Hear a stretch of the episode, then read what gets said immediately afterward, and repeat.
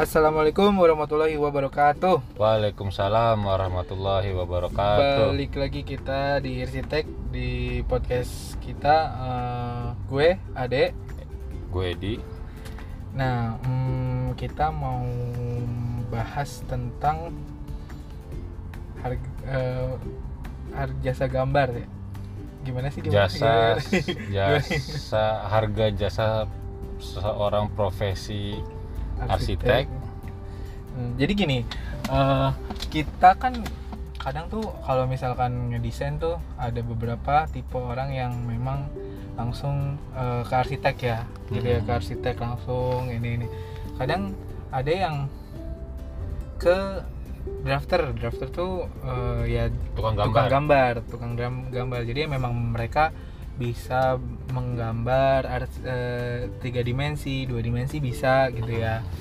Hmm, tapi profesinya memang eh, tidak bukan arsitek ya gitu, karena memang tidak mungkin tidak kuliah arsitek, mungkin hanya eh, bisa Pengalaman. bi- bisa aplikasinya ya, serti, mungkin ada yang sertifikat atau enggak gitu ya. Artinya bisa menggambar lah gitu ya. Nah, kadang kan ada orang yang memilih ke sana gitu ya. Nah, itu gimana nih eh, tentang tarifnya sebenarnya gitu kan? Karena kan nggak bisa disamaratain lah ya gitu Iya ya. betul. Kita pertama ngebahas perbedaannya dulu nih gitu Hmm. kan. Kalau misalkan arsitek kan memang eh semuanya pastilah dapat gambarnya gitu kalau kalian eh, menggunakan jasa arsitek pasti dapat gambarnya tentu terus konsep juga pengawasan juga. Pokoknya semua lengkap lah gitu ya. Tapi ketika eh, kalian menggunakan hanya di tukang gambar maka yang didapat itu hanya berupa gambarnya saja Betul. gitu. Kadang juga eh, ambil-ambil ambil-ambil desain yang udah ada gitu kan Oh. ya gitu. Tidak artinya tidak memikirkan kebutuhan dari ownernya gitu ya. Atau mungkin memang ownernya sudah oh maunya ini ini ini udah tahu gitu ya. Gitu ya udah ngikutin itunya aja gitu ya yang Mm-mm. plottingannya. Saya mau ngikutin yang di kayak klaster ini gitu kan. Itu ada Oh, gitu. berarti ini ada ada dua ya, ada dua eh, yang pekerjaannya itu sebenarnya outputnya sama, hampir sama hampir sama, o- output outputnya hampir sama, cuman eh, profesinya beda. Profesinya beda Jadi yang satu bener arsitek, dia kuliah sarjana arsitektur, eh, eh, S1 bisa Hmm. S2, Hmm. S3 bahkan sampai Sempat- master. eh, sampai- S3 sudah master ya oh, udah S3 udah master ya.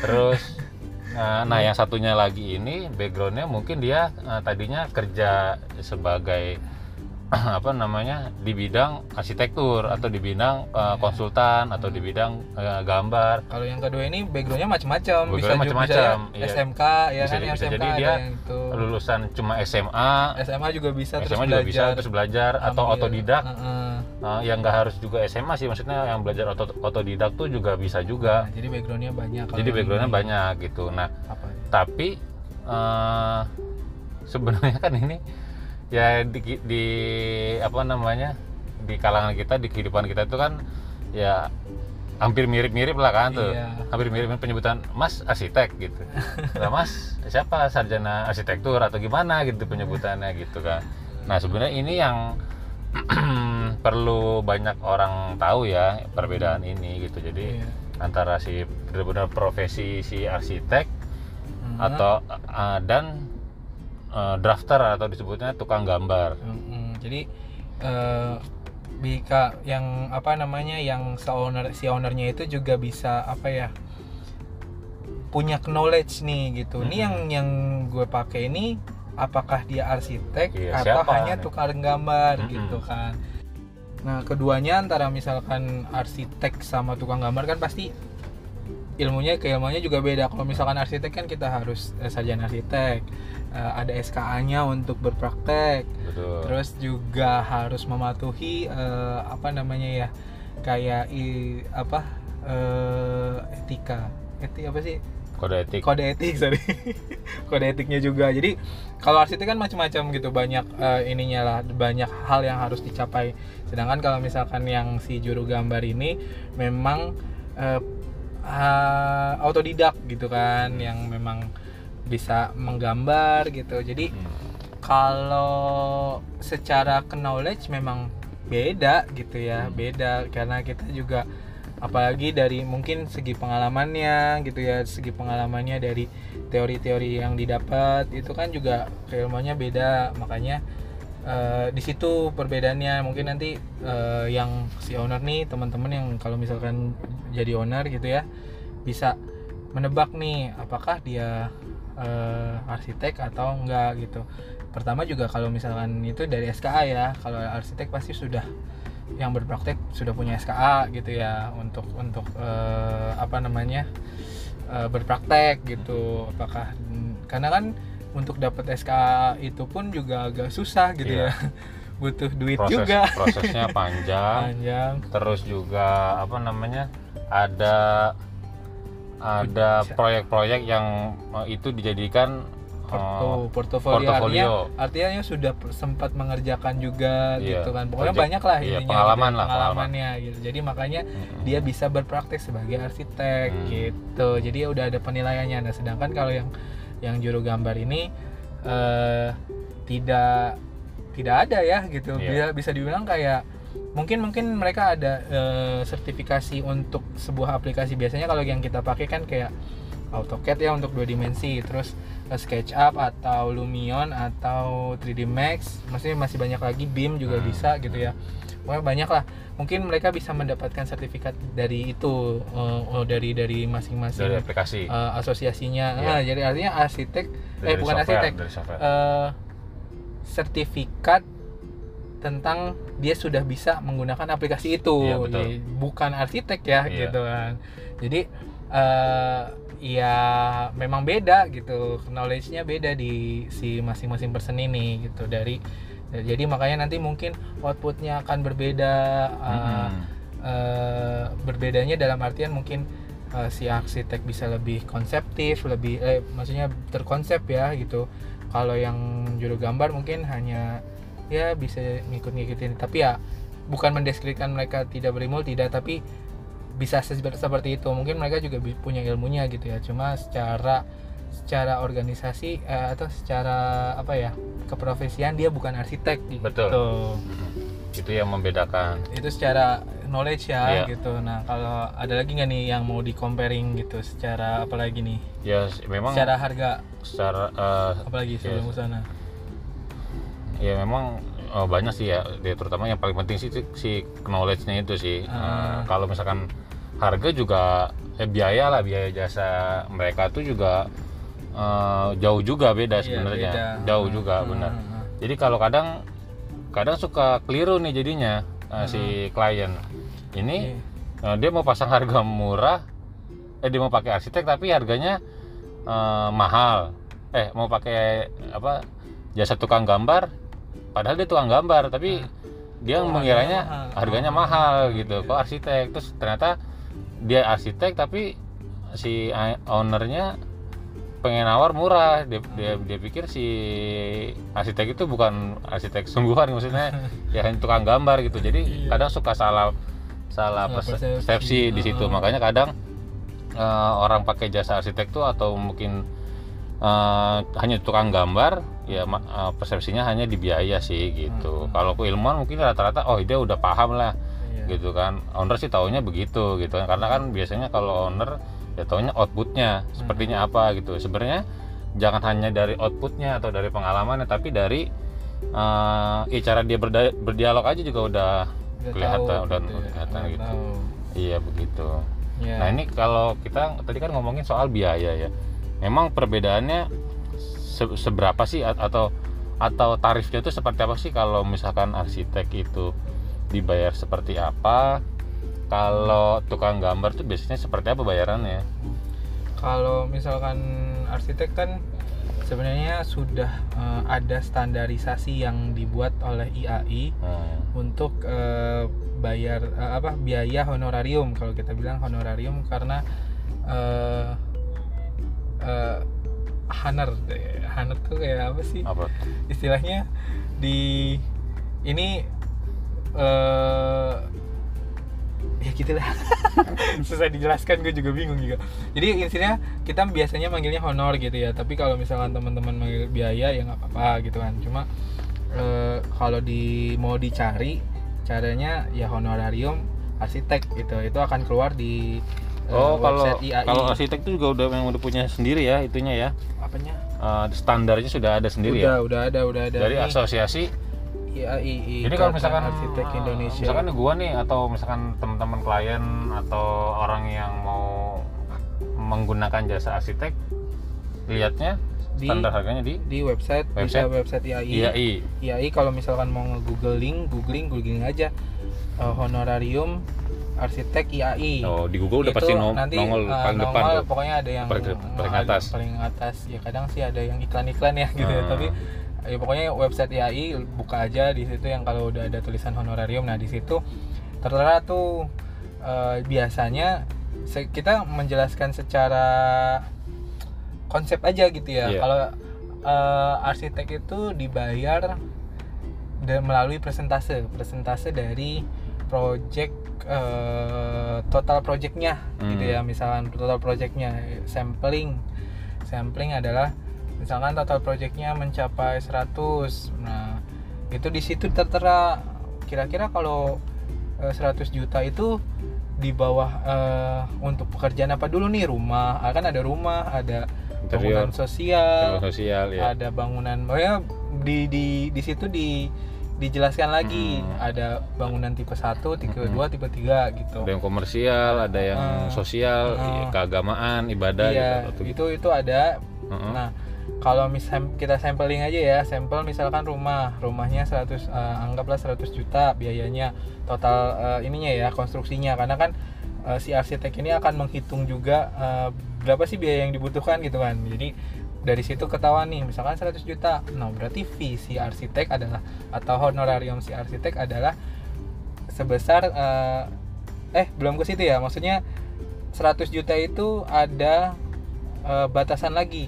Misalkan di atas 200 juta itu berapa persen, di bawah 200 juta itu berapa persen itu Iya, ada lagi iya, per, per per apa ya per Ini saya total. sambil eh gue sambil bacain ya, eh, maksudnya gue lihat di websitenya ya. Heeh. Itu kan ada yang kurang dari 200 juta, ada yang lebih dari 200 juta, Nah, ada yang itu. kurang dari 2 miliar, ada yang lebih dari eh kurang dari 4 miliar, Hmm. 20 miliar. Nah, itu makin lama sih ini dari kategorinya mulai dari angka paling besar itu 8%, Iya. kategori 3. Terus paling kecil itu satu persen di kategori Hmm. satu. Nah, itu nanti teman-teman kalau mau lihat silakan eh, dipelajarin di situ ya. Iya. Kalau misalkan mau tahu biasa berapa sih biaya honorarium si sang arsitek, Heeh. profesi arsitek itu Hmm. dan apa aja yang ada di dalam eh, biaya-biaya itu yang tertera gitu. Misalkan kan tadi itu dari nilai kontrak pekerjaan konstruksinya, pekerjaan pelaksanaannya. Iya, dari dari dihitung dari eh, nominal Dipotongnya. peke- eh, nominal pembangunannya tuh berapa gitu. Oh, RAB be- pembangunannya tuh berapa gitu. Jadi misalnya tadi yang saya- kita balik lagi ke sampling misalkan 100 juta, tadi berapa? 8% ya.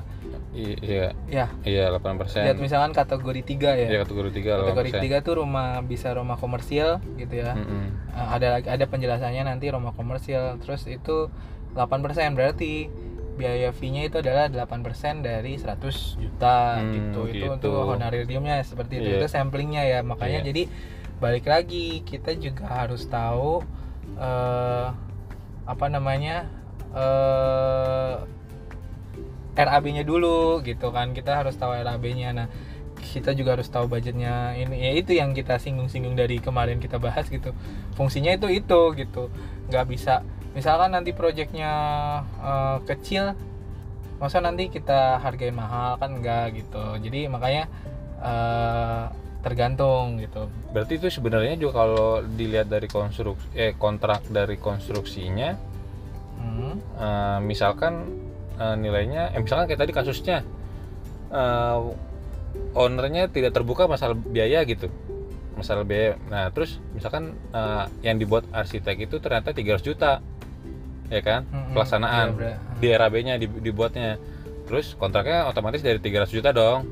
Nah Hmm. terus ketika ada eh, dari kontraktor atau dari pemborong ternyata harganya lebih atau kurang dari itu misalkan harganya ternyata 200 cuma 200 juta nih pembangunannya. Nah itu ikut yang mana nanti? Yang Oh. 300 atau ikut dari yang dari pemborong sebenarnya itu sudah berke kontrak di bawah ya gitu. Itu itu sebenarnya eh, kontrak di awal kan eh, kita mengeluarkan RAB dari situ. Nah sebenarnya itu yang dipegang sih sebenarnya. Kalau memang toh nanti harganya ternyata kontraknya turun mungkin bisa adendum kontrak ya Oh, isi. Gitu. jadi berarti jadi kan ada isi dari kontrak eh, kontrak nilainya. eh, kontrak mungkin bisa tapi kadang ada yang ada yang nggak bisa ya ya itu kan makanya di kontrak itu kan ada eh, klausul kalau misalkan ada perubahan atau itu dibutuhkan adendum gitu Hmm. atas keputusan bersama Mm-mm. kedua pihak nah itu Hmm. itu itu yang yang mesti ditekanin lagi tapi kalau misalkan udah ada klausul itu misalkan ada di tengah jalan ternyata oh pembangunannya gue cuma segini gue bisa dong eh, turunin itu gitu ya turunin harga Mm-mm. arsiteknya iya ya kalau klausulnya ada di kontrak ya bisa, Bisa, gitu. misalkan kalau misalkan tidak ada ya, ya misalkan juga tadinya sih, gitu. tadi dibilang kan contoh 100 juta 100 juta 8 persen eh ternyata eh, cuma 50 juta dari 8 persen Hmm. yang kalau selama di ada di kontrak itu tertulis perubahan itu gitu kan Hmm, itu gak apa-apa ya kan nggak apa-apa. atau misalkan ternyata dari 5% oh keberatan jadinya Hmm. eh dari 8% mau negosiasi jadi 5% atau ditambahin 10% itu Hmm, oh bisa-bisa aja dong ya? Bisa makanya makanya di kontrak itu kalau misalkan kita sudah kan pasti kontrak pasti di awal lah ya. Iya. Itu itu itu sebagai eh, pedoman juga gitu kontraknya mengikat tapi eh, berarti bisa fleksibel maksudnya? Misalkan. fleksibelnya itu kalau itu tercantum ya. Iya. kayak misalkan oh eh, gitu. ada klausul yang bilang ketika eh, perjanjian ini bisa di istilahnya diubah berubah se- ses- eh, jika dilaku- ada. jika eh, dilakukan adendum jika hal-hal kayak gitu-gitu lah Oh, istilahnya pokoknya iya. intinya makanya kontrak kan sebelumnya kita bahas juga kontrak itu kan harus benar-benar eh, jelas juga di situ nah Hmm. tapi kalau misalkan tidak ada bunyi itu kemungkinan sih tidak bisa susah ya Iya. gitu kecuali memang mungkin arsiteknya eh, ya udahlah nggak apa-apa gitu ya kalau misalkan itu karena memang kan gini ya eh, arsitek itu kan RAB yang dibuat itu memang sebenarnya eh apa ya ya bener gitu emang itu Sebagai acuan. itu itu eh, kita tidak mau bikin oh dimahalin oh dimurahin Hmm. Insya Allah ya kalau ar- arsitek yang ba yang yang baik yang baik ya gitu itu nggak akan seperti itu karena memang eh kayak tadi misalkan eh ternyata harganya 300 eh ternyata lebih murah nih 200 berarti wah nih arsitek kok mahal-mahalin istilahnya gitu kan itu Nah, citranya tapi- jadinya buruk juga gitu tapi kan. perlu ditanda eh tanda kutip juga misalkan dari arsitek 300 Mm-mm. terus dari misalkan pemborong 200 apa yang beda Nah, apa yang beda Iya. bisa aja eh, itu harus kualitasnya, di kualitasnya, gitu ya. spesifikasinya, Nah, volumenya, harganya. Nah, itu eh, nah makanya perlu ada kontrak antara si eh, klien dengan arsitek dan Hmm. juga klien dengan pemborong, atau Pemborong. kontraktor. Ah. Jadi di situ eh, bisa terlihat ya kan Iya. sama-sama mereka kan sama-sama bekerja sama Ah, sebenarnya bukannya nah, itu. bukan selain itu gitu kan Hmm. jadinya pasti makanya ada keterbukaan dari klien dengan oh, dengan eh, konsultan atau arsiteknya itu penting Mm-mm. jadi ya gitu. jadi ya balik lagi kita bikin RAB itu sebenarnya sudah real loh ya gitu ya arsitek-arsitek profesional tuh harusnya seperti itu gitu jadi entah entah mau mungkinnya kalau turunnya pasti eh, eh, Pasti ada beda. pasti ada beda tapi kayak Nggak misalkan tadi 300 terus ke 200 kayaknya itu kejauhan gitu ya Kejauhan. pasti akan ada sesuatu hal yang Mm-mm. mungkin kita harus selidiki kenapa bisa seperti itu Iya, kalau misalkan klien Ah. tidak paham Heeh. isi dari perbedaan itu, Heeh. Lah si sang arsiteknya lah yang bertanggung jawab untuk ah. membimbing atau mengedukasi atau memberitahu kenapa si uh, RAB kontraktor dengan arsitek Ya, itu berbeda, Beda, ya, uh, gitu kan? Nah, karena kan pasti arsitek eh, melalui pengawasan ya. Artinya arsitek ada nah itu yang menjadi membedakan eh, arsitek dengan eh, profesinya arsitek sama tadi yang tukang gambar ya drafternya. Yaitu kita benar-benar eh, ngejaga kualitas eh, bangunan yang terbangun gitu ya kita melakukan pengawasan sampai bangunan itu jadi Hmm. gitu nah itu itu yang membedakan kalau misalkan eh, drafter tadi mungkin bayarnya biayanya berapa pak biayanya? Nah, kalau itu kan drafter- agak murah pasti coba aja di deh. bawah ya coba aja deh eh, ke- apa searching di Google gitu kan. Sih memang eh, kalau dilihat dari informasi dari Google itu eh, biayanya kalau tukang gambar itu bisa per lembar bisa per meter persegi. Mm-mm. bisa juga misalkan pakai paket lah gitu paket Gambar dua dimensi denah. sama 3D ya denah tanpa potongan Hmm. sama 3D eh, misalkan segini bisa. Bisa bisa begitu. Jadi macam-macam sih. Tapi kalau misalkan arsitek tuh biasanya sih udah dia udah udah, udah pedoman akan persentase dari nilai proyek. Karena itu yang eh, dinilai eh, setelah di mungkin dari dipertimbangkan dari pihak asosiasi IAI yang dinilai paling paling baik adalah eh, persentase. Karena ya sama-sama enak. Jadi kla- mem- apa mengikuti nilai kontrak juga. Dan eh, ya di situ juga ada pekerja apa eh, tanggung jawab pekerjaannya gitu ya kan. Nah kalau si eh, drafter ini memang eh draft ya drafter atau tukang gambar ini memang eh, banyak macamnya gitu. Karena memang tugasnya dia sebenarnya hanya eh, apa menggambar. Menggambar. Mendi- eh, ya menggambar, jatuhnya iya, menggambar. gambar gitu. uh, mau atau du- dua dimensi atau atau tiga dimensi ataupun juga uh, ya pokoknya gambar-gambar kerja atau gambar IMB Mm-mm. gitu atau gambar konsep itu bisa dia kerjakan gitu nah cuman uh, kalau misalkan secara diskusi dia konsep, konsep ini mau gimana ini mau ini mau gimana pakai pakai konsep apa pakai jenis material apa maksudnya konsultasi ini baiknya gimana analisanya seperti apa itu eh, mungkin ada yang ya ada yang paham ada yang sesuai Enggak. dengan pengalaman juga ada, ada juga yang enggak gitu. Nah makanya jadinya kalau untuk mau mendesain sih memang lebih lebih disarankan dengan arsitek. Tapi kalau misalkan kebutuhan ternyata eh, ah saya cuman eh, saya cuma punya eh, apa namanya udah ada denan kadang kan eh, kita juga kan per- pernah punya teman dan juga mengalami kalau ada Ya, orang ngopi, yang ngopi aja gitu ngopi aja gitu. Kadang ah mau, mau renovasi atau dia mau bikin rumah nih? Gue ukuran segini udah dicoret-coret. Tapi dia cuma pengen butuh 3D-nya doang gitu. Kan gambar 3D-nya doang. Oh jadi nggak perlu ke arsitek mungkin. Ya. dengan mungkin dia dananya terbatas ya bayarlah tuh orang 3D atau 3D artis disebutnya atau drafter. Begitu.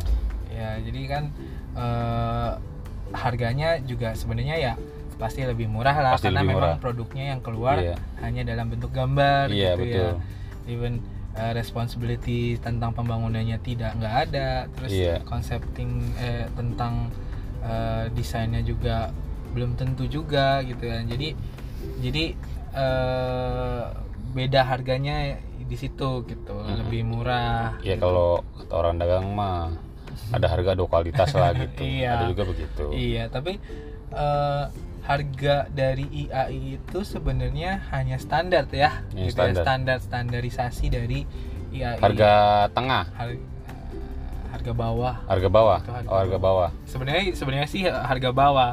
Cuma ya untuk beberapa arsitek mungkin belum bisa menerapkan itu ya gitu ya Hmm. kayak kita kan belum bisa menerapkan karena ketika jeder harga itu kemungkinan terlalu mahal atau apa akhirnya nggak dapat kerjaan gitu ya. Ya kita mah Se- Apalah atuh. di- eh, maksudnya menyesuaikan masih tetap menyesuaikan dengan pengalaman. Iya biasanya malah kadang juga ada yang lebih dari standar. Bisa Ada, mungkin eh, dua kali lipatnya dari standar mungkin juga ada gitu. Karena kan ya memang pengalaman mereka juga dan jam terbangnya juga tuh udah ya sudah lebih banyak lah gitu. Jadi kalau yang misalkan masih junior arsitek gitu kan atau masih ars- arsitek yang ya apa namanya pengalaman masih menengah itu mungkin eh, biayanya masih bisa terjangkau kalau dari segi biaya gitu. Iya, jadi itu standar gitu. Heeh, ya tetap aja juga sih kalau misalkan eh, mau outputnya yang bagaimana gimana gitu atau mungkin yang ah gue pengen hati-hati nih misalkan karena kan klien bermacam-macam kita nggak bisa menebak dan men- men- menyamaratakan kan. Pengen hati-hati dengan rumahnya gue nggak pengen arsitek yang abal-abal lah gitu misalkan. Nggak mau yang junior-junior gue pengennya bener-bener yang mau rumah gue ya silakan tinggal pilih aja gitu. Kita kan hanya eh, me- me- me- menjelaskan eh, mengungkapkan apa yang ada eh, di ya maksudnya di dunia arsitek ini Iya, gitu ah, ada arsitek junior arsitek terus ada juga yang ada drafter drafter gitu. yang tukang Drafter, gambar ah. ada juga yang 3D artis memang dia yang Hmm. untuk animasi atau 3D atau yang Iya.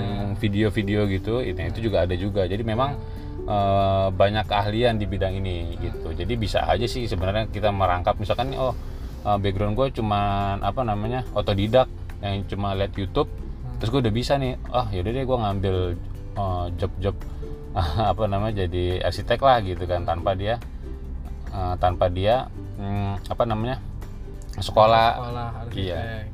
bisa aja nggak apa-apa sih itu memang nggak nggak kita juga nggak menyalahkan itu tergantung si kliennya lagi ya kan namanya di mereka bidang trusted atau enggak Iya, kan betul. itu klien yang nilai lah ya klien yang Rumah- menilai rumah- rumahnya rumah dia Heeh. biayanya dia jadi eh ya jadi tanggung jawab eh, ownernya juga gitu Betul. ketika oh milihnya ternyata eh, drafter ya harus tahu resiko. Betul. Ya seperti ini resikonya seperti ini. Betul. Plusnya ada gitu mungkin Iya. lebih murah gitu ya. Jadi iya silahkan gitu. Itu tang jangan sampai nanti ternyata eh, sama drafter tapi mintanya kayak pengen jadi kayak arsitek gitu kan ya. Ya gitu. Pokoknya intinya ada duit ada barang. Ada, ada kualitas, gitu. Tuh.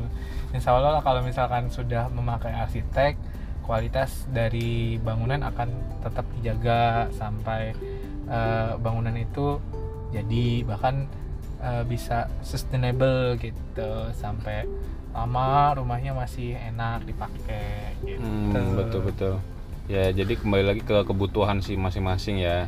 Ya, orang boleh mau pilih yang mana. boleh bu- eh, kita tidak menyudutkan atau tidak menjelekkan salah satu. Hmm, salah satu pihak tapi ya kita kan kebutuhan eh, masing-masing dari eh, owner atau klien itu kan beda-beda gitu. Kita cuma hanya men, eh, balik lagi kita menjelaskan eh, dari sisi ya bidang arsitektur tuh ya seperti itu isinya Tapi gitu. sih kalau misalkan ngobrol-ngobrol sama arsitek yang senior gitu ya, kadang sih mereka agak eh, kesel sama para daftar-daftar ini gitu kan, karena Hmm. mereka kadang mengaku-ngaku sebagai arsitek tapi eh, eh, eh, tidak menjalankan kinerja sebagai arsitek gitu. Cuma eh, ya it's happening in Indonesia gitu itu yang terjadi di Indonesia tuh kayak gini loh gitu kita masih belum eh, eh, masih belum independen sih arsitek-arsitek kita gitu kan Iya. masih masih apa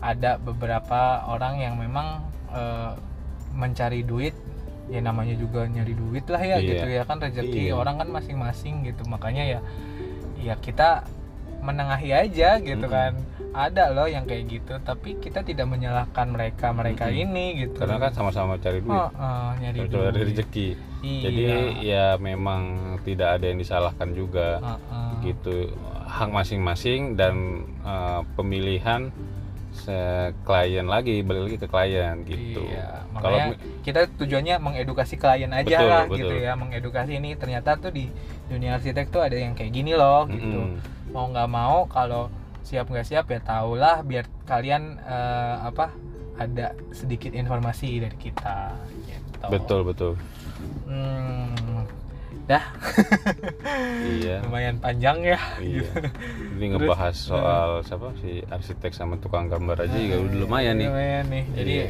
ya udah kita udahin dulu aja nanti kita sambung di next. Oh ya, sebelumnya kalau misalkan nanti ada teman-teman ada pertanyaan, ada request apa yang mau kita bahas, bisa DM kita di irsitek eh, at e a r s i t e k masih ada. Irsitek, sitek Irsitek, ER ya. sitek Instagram kita atau bisa di reply di di eh, apa namanya Spotify kita Mm-mm. di atau, podcastnya atau, gitu atau ya. ada kritik dan masukan buat Iya, eh, kita buat- juga nggak apa-apa sih apa-apa. Mm-mm, Ya kita udah. selalu terima kritik dan masukan Eh, eh, Oke gitu aja kalau kalau gitu kita pamit. Iya. Assalamualaikum warahmatullahi Warahmatullahi wabarakatuh. wabarakatuh.